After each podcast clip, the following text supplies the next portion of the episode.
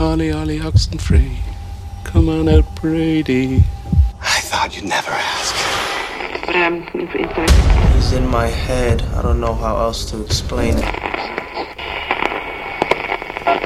There's some kind of door in me. And something, someone comes through that door. Who? Brady Hartsfield.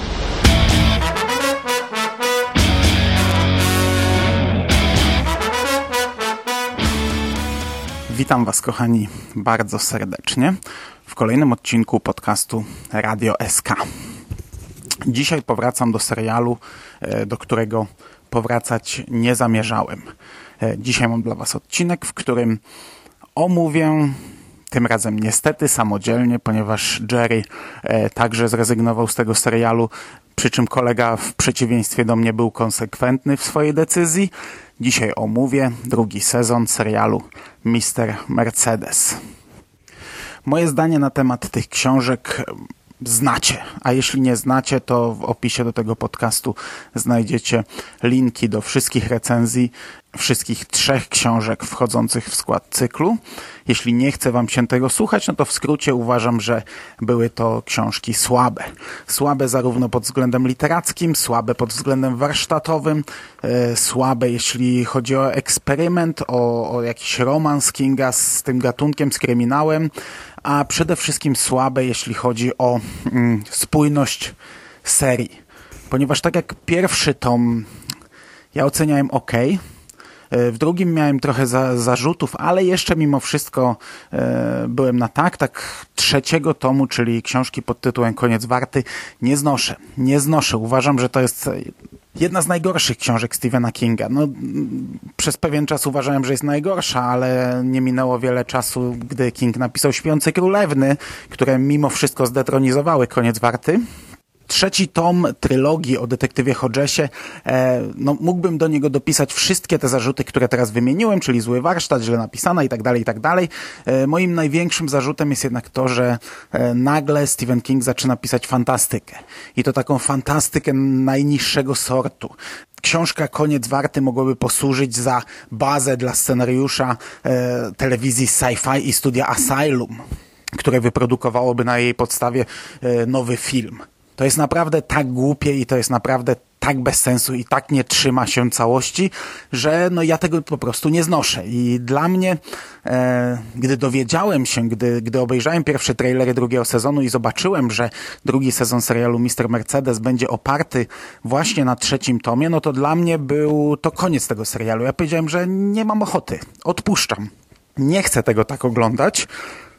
Osobiście nadal jestem zdania, nadal uważam, że trzeci tom e, schrzanił tę serię, ponieważ e, ja wiem, że, że, że moje zdanie odstaje od tego, co sądzą inni, bo większość uważa, że drugi tom nie pasuje do tej serii, ale ja uważam, że to jest błędne myślenie, bo pierwszy i drugi tom wyznaczyły jakąś drogę. Pokazały, że będzie to tak naprawdę historia mm, detektywa i jego przyjaciół, którzy rozwiązują różne sprawy. W pierwszym tomie rozwiązywali sprawę Brady'ego, czyli pana Mercedesa.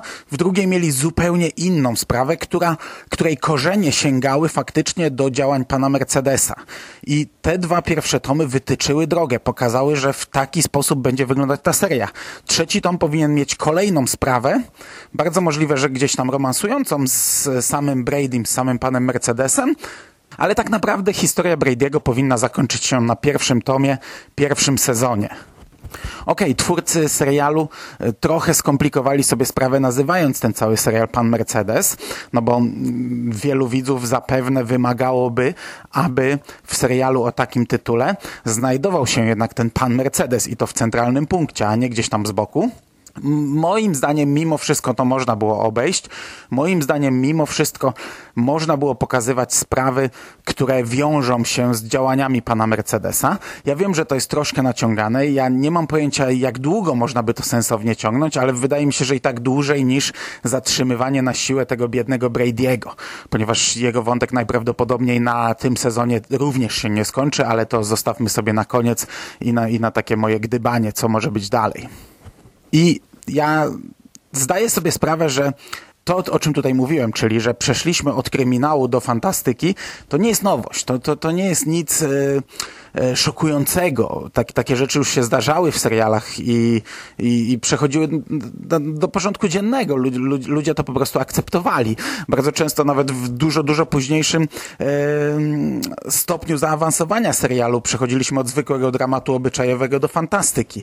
Gatunkowość seriali wielokrotnie się zmienia, e, także ja rozumiem, że, że wiele osób nie ma z tym problemu, dlatego podkreślam, że ja z tym problem mam i mógłbym każdy tutaj argument na plus e, puentować to tym i, i wiecie, dodawać swoje ale, ale, a podobno to, co przed ale się nie liczy, dlatego powiem odwrotnie, zacznę od tego i, i niech to już zejdzie na bok, niech to zapomnijmy, potem przejdę do plusów.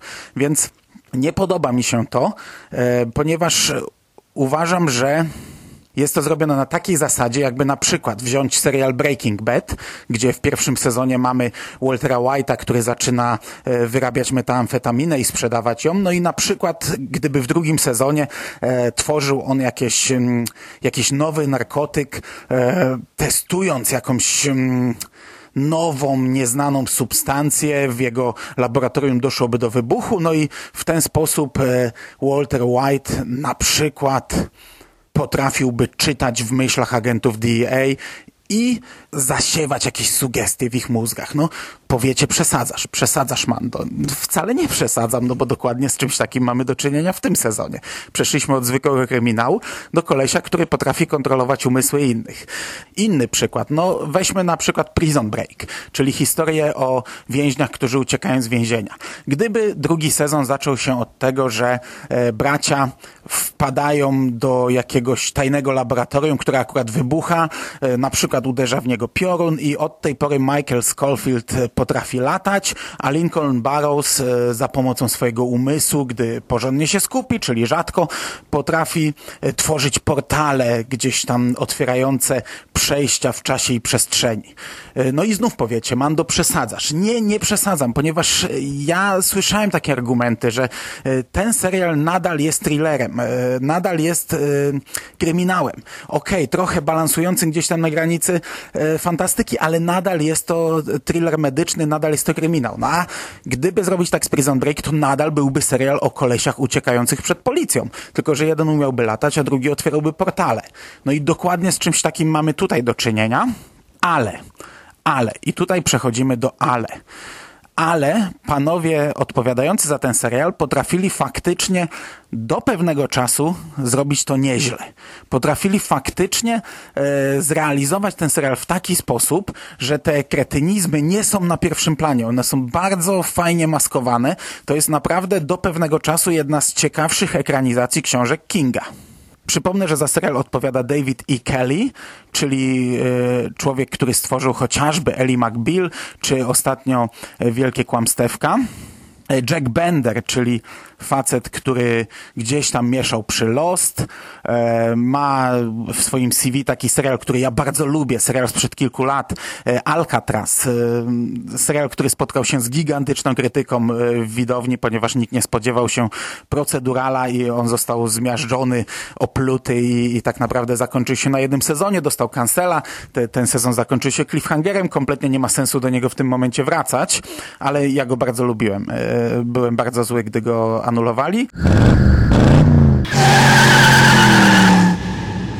Ja bym tylko chciał przypomnieć swojej przeszłej wersji, że Jack Bender, oprócz tych wszystkich seriali, nad którymi się rozpływałem przed chwilą, e, odpowiada też e, w swoim CV, ma taką produkcję jak Pod kopułą, czyli no, najgorszą, jedną z najgorszych ekranizacji Stephena Kinga, także tutaj nie ma reguły. Raz wychodzi mu dobrze, innym razem wychodzi tragicznie. To tak tylko chciałem dopowiedzieć, bo kolega za bardzo odjechał z dygresją o Alcatraz i chyba zapomniał o tym. No a teraz oddaję mu głos. Pa. E, no i gdzieś tam też przecież e, palce macza przy tym serialu Denis Lehane my podkreślaliśmy już we wcześniejszych podcastach, że, że, że w tym serialu widać, że wzięli się za niego ludzie, którzy znają się na tej robocie i w tym drugim sezonie widać to jeszcze bardziej.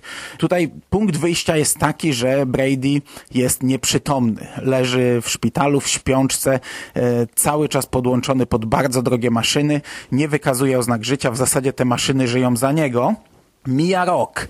W życiu detektywa Hodgesa gdzieś tam ta obsesja troszeczkę się już ulotniła. Tutaj jest fajna czołówka, znowu fajna czołówka, tylko teraz ona jest e, w każdym odcinku taka sama, pokazująca ten rok właśnie, e, gdy detektyw Hodges siedzi ciągle przy łóżku Brady'ego i, i widzimy za oknem zima zmienia się we wiosnę, wiosna w lato, lato w jesień i tak dalej. Do tego fajna muzyczka, sobie tam plumka, ale tak naprawdę ten serial, jeśli chodzi o muzykę, w ogóle stoi nieźle, bo Pierwsze sceny w odcinkach, sceny otwierające każdy odcinek też są często bardzo dobrze zrealizowane, bardzo dobrze muzycznie zrobione. Też bardzo często tak sobie grają i pokazują nam e, na przykład poranek, ale niekoniecznie e, w życiu detektywa Hodgesa, przełamany z porankiem w życiu e, Brady'ego. To bardzo fajnie wygląda i zazwyczaj jest, jest yy, świetnie wprowadza w odcinek. No oczywiście w tym serialu mamy mnóstwo nowych bohaterów, yy, nowych lokacji, no bo większość serialu rozgrywa się w szpitalu, więc mamy cały personel szpitalny, lekarzy, pielęgniarki i tak dalej. Yy, żona detektywa Hodgesa wychodzi na jeden z pierwszych planów. To jest aktorka, która grała chociażby w Czerwonej Róży Stephena Kinga główną rolę. I ona pojawiła się już w pierwszym sezonie, ale chyba tylko w jednym odcinku. A tutaj mm, no, trafiła do stałej obsady. Tak naprawdę e, Hodges schodzi się znowu z, z żoną. Ten, ten ich, ta ich miłość, ten ich romans odżywa na nowo. Mnie się to bardzo podobało. To jest coś nowego. Tego nie było w książce. To jest zapychacz, zdaję sobie z tego sprawę, ale bardzo fajny i, i jakoś tam podkreślający to, kim jest Hodges, podkreślający jego obsesję. Także możemy spojrzeć na to e, z punktu widzenia żony. Bardzo dobra decyzja. Chociaż na tym wszystkim cierpi e, wątek Aidy, czyli sąsiadki, bo e, tak jak w pierwszym sezonie ona była takim trochę piątym kołem uwozu, ona tam e, smaliła cholewy do Hodgesa, a Hodges e, w tym czasie poznał swoją e, nową kobietę i, i, i z nią rozpoczął romans. Tak tutaj zaczyna się to podobnie, okej, okay, ona mówi, że już nie, już raz próbowała, to już nie chce, ale mimo wszystko no widać, że, że gdzieś tam ten jej sąsiad jest jej bliski, a sytuacja się powtarza, on wraca do żony i i tak naprawdę ja, ja, przez długi czas nie kumałem, po co jest ten wątek Aidy. Ona w końcówce zaczyna tak naprawdę swoje życie i gdzieś tam e, staje się istotniejszą postacią e, podczas tych kilku wydarzeń i rozwiązań, które mają miejsce w końcówce tego sezonu. No i tak jak powiedziałem, ten serial zamienia się w taki thriller medyczny, ponieważ na Bradym e, lekarz Babino testuje eksperymentalny lek, który nie został jeszcze dopuszczony do testów na ludziach. Okej, okay, Chińczycy przeprowadzali takie testy i zakończyły się one źle, ale to tak naprawdę później wypływa. Zakończyły się samobójstwami tych, tych ludzi, na których je testowano. To jest wątek, który tutaj nie został w ogóle poruszony. On jest, jest wprowadzony tak sobie. Żona e, lekarza opowiada mu o tym, ale te samobójstwa nie mają związku z tym, co się dzieje e, w głównej fabule serialu. Jedynie nawiązują może do książki, bo książka dość mocno obracała się wokół samobójstw. I pierwszy tytuł to był, e, brzmiał Książę Samobójstw, jeżeli dobrze pamiętam tytuł roboczy tej książki. No i tam właśnie e, Brady dość mocno, mm, jego plan był, żeby tam setki ludzi popełniły samobójstwa. No tutaj w e, serialu jest taka jedna sytuacja tak naprawdę. Chociaż może w sumie ta rozmowa właśnie do, nawiązywała do tej jednej sytuacji, żeby lekarz uświadomił sobie, że przed chwilą mieliśmy samobójstwo w szpitalu e, i może ma to jakiś związek. No faktycznie, może głupoty teraz mówię. No ale zmierzam do tego, że na Bradym testowano eksperymentalny lek i umysł Brady'ego przebudził się. Oczywiście tego nie widać z zewnątrz, tam czasami są jakieś objawy, i, i to, to, się nasila e, w trakcie serialu, ale to my widzimy od wewnątrz, ponieważ Brady budzi się tak jakby w swoim umyśle i to jest nam pokazane w taki sposób, że mamy e, pomieszczenie, zniszczone pomieszczenie, w którym są resztki jego życia, jakieś fragmenty grup matki, e, komputery, które on próbuje uruchomić na początku tymi swoimi hasłami, potem w jakiś sposób się do nich dostaje i przez te komputery widzi. Na ekranach widzi to, co się dzieje z nim w świecie rzeczywistym. W tym, w, w tym pomieszczeniu pojawia się jego brat, którego przecież on zabił. E, pojawiają się postacie z przeszłości, jakieś fragmenty jego pracy i tak dalej, i tak dalej. To, to zostało naprawdę nieźle zrealizowane. To nie wiem, jak to brzmi, jak ja o tym opowiadam, ale to jest pokazane fajnie. To, to jest fajnie przemyślane i dobrze zrobione. I pomimo tego, że wiecie, nagle trafiamy do umysłu Brady'ego i bardzo duża część tego serialu rozgrywa się w tym umyśle, to to, to jest plus. E, no i oczywiście Brady za pomocą tego swojego umysłu przez, przez te komputery potrafi wpłynąć na umysły niektórych innych ludzi. I jak to zostało zrobione w serialu? A, a właśnie zrobiono to dość ciekawie, ponieważ najpierw opanowuje umysł e, pewnej pielęgniarki, która cierpi na epilepsję, a mm, w związku z tym, że jest aktualnie w ciąży, czy też stara się o dziecko, nie, chyba jest w ciąży, o, o, mm, odłożyła leki, przestała brać leki i ona bardzo często zawiesza się. Gdzieś w momencie, gdy widzi jakieś migające światła, to ona łapie zawiechę i na przykład inni ludzie mijają ją wtedy i ją budzą. E, no i w takich momentach e, Brady'emu udaje się przejąć nad nią, nad nią kontrolę. On w tym momencie na swoich komputerach przestaje widzieć to, co widzi leżący mm, na łóżku Brady, a zaczyna widzieć oczami e, tej postaci i sterować nią. No i okej, okay, no to jest głupie, to jest nadal głupie, no, no umówmy się. E, Brady zdobył supermoce i z nich korzysta, ale jest to zrobione ciekawie, jest to bardzo mocno zminimalizowane i twórcy starają się to jakoś jednak wytłumaczyć. Po pierwsze e, chorobą tej dziewczyny, natomiast druga osoba, bo on tutaj przejmuje władzę tylko nad dwoma osobami przez ten cały serial, druga osoba zaczyna grać w grę, którą znamy z książki, grę, która w pewien sposób hipnotyzuje. No i przez to, że e, to jest taki bibliotekarz e, szpitalny, przez to, że on siedzi akurat w pokoju Brady'ego, gra w tę grę, w pewien sposób został zahipnotyzowany, Brady łączy się z nim i przejmuje kontrolę na długo nad tym ciałem. I to jest mimo wszystko fajne, to się ogląda naprawdę nieźle w porównaniu, wiecie, do e, wielkich wirusów rozsyłanych po całej sieci tabletów, e, które mieliśmy w książkach, w, w, książce, w porównaniu do e, całkowitego przejęcia ciała, jakie mieliśmy w książce, bo przecież w książce, spoiler, Brady m, robi transfer swojego umysłu do ciała innej postaci i w zasadzie sprawia, że jego ciało umiera, a on wychodzi ze szpitala w, w ciele innego bohatera i od tej pory żyje w nim i, i, i działa, działa w nowym ciele. Ja, ja, ja sobie sobie zdaję sprawę, że, że, że to wcale nie jest jakoś wiele głupsze od tego, co widzimy w serialu. Bo skoro e, serialowy Brady może przejąć kontrolę nad umysłem innych, no to dlaczego nie mógłby zrobić transferu siebie? No to jest mniej więcej ten sam poziom głupoty. Ale... E, w serialu zostało to dobrze zatuszowane.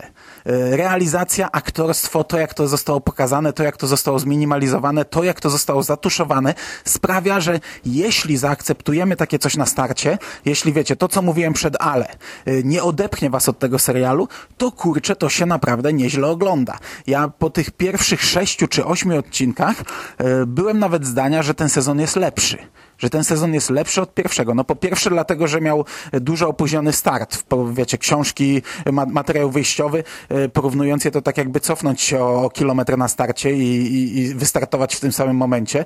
Więc jeśli dobiegałem na metę równo, no to e, świadczy o tym, że jednak e, jest nieźle. No, no z drugiej strony poprzeczka leżała na podłodze, więc zrobić coś lepszego, to, to wystarczy przejść nad nią i unieść ją na wysokość kolan. A już jest lepiej ale mimo wszystko po tych e, ośmiu odcinkach ja uważałem, że ten serial, ten sezon naprawdę jest bardzo dobry. Trochę się to zaczęło pieprzyć w końcówce i ostatecznie, e, no, spoilerując swoją opinię, ja, ja już tak nie uważam. E, uważam, że, że, że, że kilka rzeczy po, pochrzaniono na końcu. E, po pierwsze, nie wiem, czy nie jest to zrobione pod trzeci sezon, ale ostatecznie jednak powiedziano, to padło z ekranu, że umysł Brady'ego połączył się, zespolił z komputerami. Że on się zespolił ze szpitalnym e, systemem komputerowym i z tabletami. E, koleżanka mm, Brady'ego, Lou, koleżanka z pracy, którą zaatakował w poprzednim sezonie, została poproszona przez prokuratora, aby przejrzała komputery szpitalne i ono tam w jakimś kodzie znalazła charakterystyczny kod Brady'ego, więc e, wysnuli teorię, że jego umysł faktycznie połączył się z komputerami. E, rzecz, patrząc na ten sezon, bezsensowna kompletnie niepotrzebna. Tak jak powiedziałem, e, te momenty, gdy Brady przejął kontrolę, zostały bardzo fajnie wytłumaczone i teraz jednym zdaniem, jednym, jedną pieprzoną rozmową to zostało rozbite i sprowadzone do, do poziomu taniego science fiction, czego nie rozumiem, patrząc na ten sezon, ale mam przypuszczenia, że to może zostać rozwinięte w następnym sezonie, czego się bardzo, bardzo obawiam. I wtedy rozumiem, dlaczego to wprowadzono tutaj w końcówce właśnie pod nowy sezon. Poza tym w dwóch ostatnich odcinkach thriller medyczny zamienia się w dramat sądowy. No i spoko. E, David i Kelly e, robił seriale sądowe, więc na nich się zna, więc można powiedzieć, będzie dobrze, nie? Ale właśnie ja uważam, że nie jest dobrze. Po pierwsze, ten, ten cały przeskok, moment przebudzenia Brady'ego, bo on nagle wstaje i wychodzi po prostu ze szpitala i sobie żyje, ku wiecie, zaskoczeniu wszystkich, jest taki trochę głupiutki, no a, a to się obraca na takiej zasadzie, że Brady poddaje się e, dobrowolnie policji i przyjmuje taką obronę, że on już nie jest sobą, że testowano na nim lek, on nie miał na to wpływu, nie mógł, e, no, no zrobili, zrobili to lekarze bez jego zgody i teraz on już nie jest tą osobą, on teraz ma sumienie, on y, pamięta co zrobił, bardzo tego żałuje, e, w tej chwili nie mógłby tego zrobić, w tej chwili odróżnia dobro od zła i to jest ich droga obrony, że, że nie można sądzić człowieka za czyny, gdy już tego człowieka nie ma, gdy teraz mamy innego człowieka, nie? I to się ciągnie przez dwa odcinki, a tak naprawdę wtedy wtedy widzimy duży upadek Hodgesa, bo wiele rzeczy z, z, aktualnego życia, no i z niedalekiej przeszłości Hodgesa wychodzi na jaw, zostaje przedstawione w złym świetle, ta, ta, ta cała jego obsesja i, i, i to śledzenie Brady'ego i ukrywanie faktów przed policją i to właśnie, że on go nachodził, siedział w jego domu, że e, w jego pokoju szpitalnym, no to zostaje przedstawione w taki sposób, że tak naprawdę to Hodges za chwilę będzie sądzony. I to jest wkurzające, ale tak naprawdę najgorsze jest to, że to do niczego nie prowadzi. Oglądamy to przez dwa odcinki i to zostaje ucięte. Tu nie ma puenty tego wszystkiego. Dostajemy taki dość szokujący finał, który urywa nam, zamyka wszystko, odcina, ale te dwa ostatnie odcinki sądowe były trochę bez sensu, trochę, trochę do niczego nie prowadziły. Co trochę rozpieprza ten, ten, ten cały, wiecie, spójność całego tego sezonu.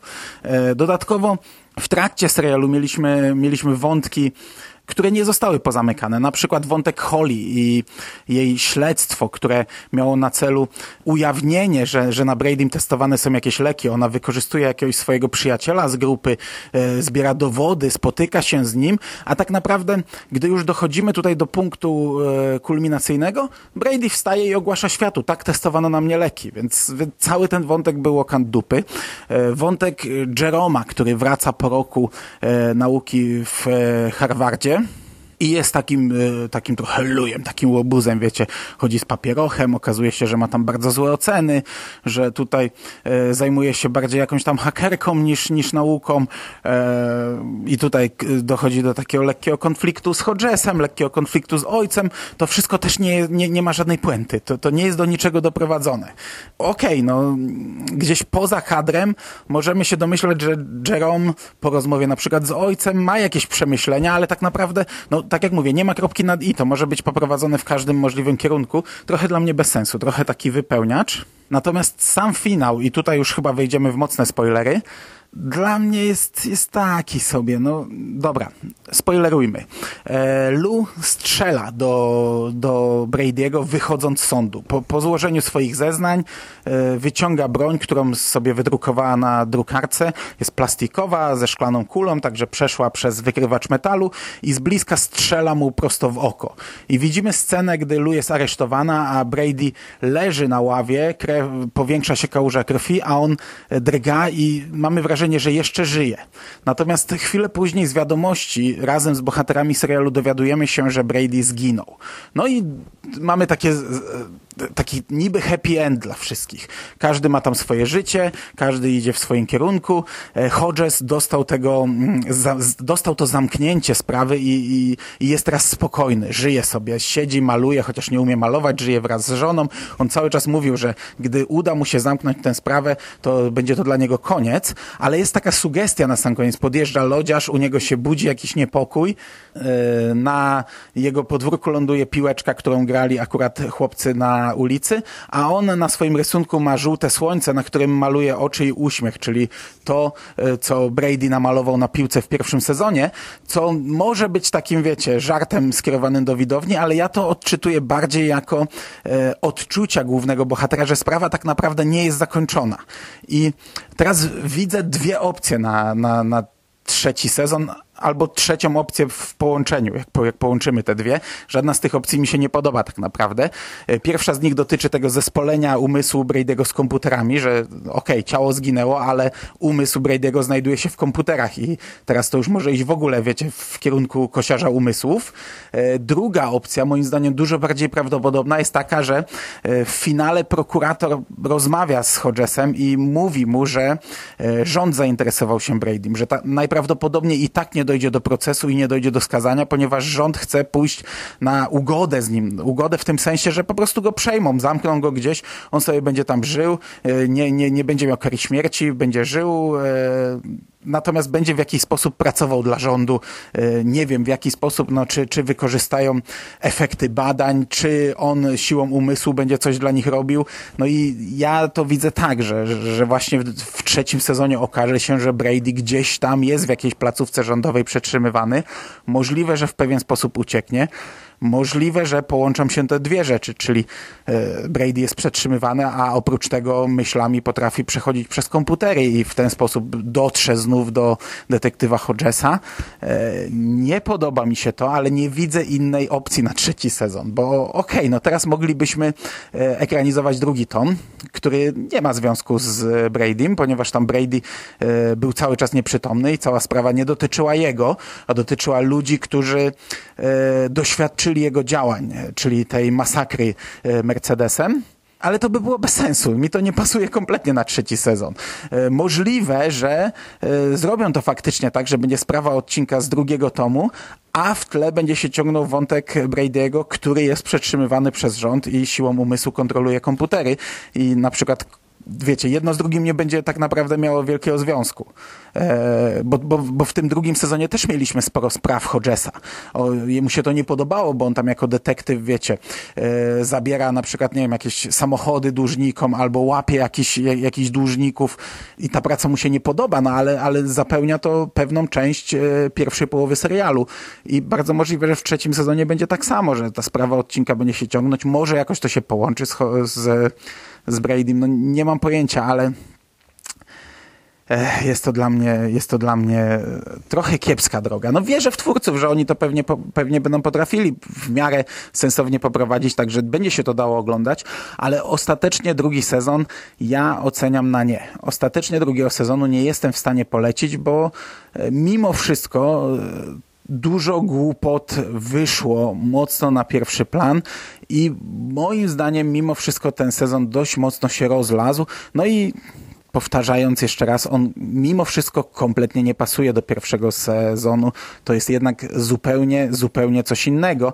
I to nie na takiej zasadzie, że to jest plus. No bo można powiedzieć, o co chciałeś? Chciałeś Mando odgrzewany kotlet? Nie, chciałem po prostu spójny serial, a nie, a nie kompletnie, kompletnie coś innego, a, a, a jednak trochę tak to jest. I jeśli trzeci sezon będzie dalej dotyczył Brady'ego, a najprawdopodobniej będzie, no to to, to, to już w tym momencie o, ociera się o karykaturę. To już jest karykaturalne, a, a, a będzie najprawdopodobniej jeszcze bardziej. I to by było na dzisiaj wszystko. Dziękuję Wam bardzo za uwagę. Trzymajcie się ciepło. Do usłyszenia w przyszłości. Cześć!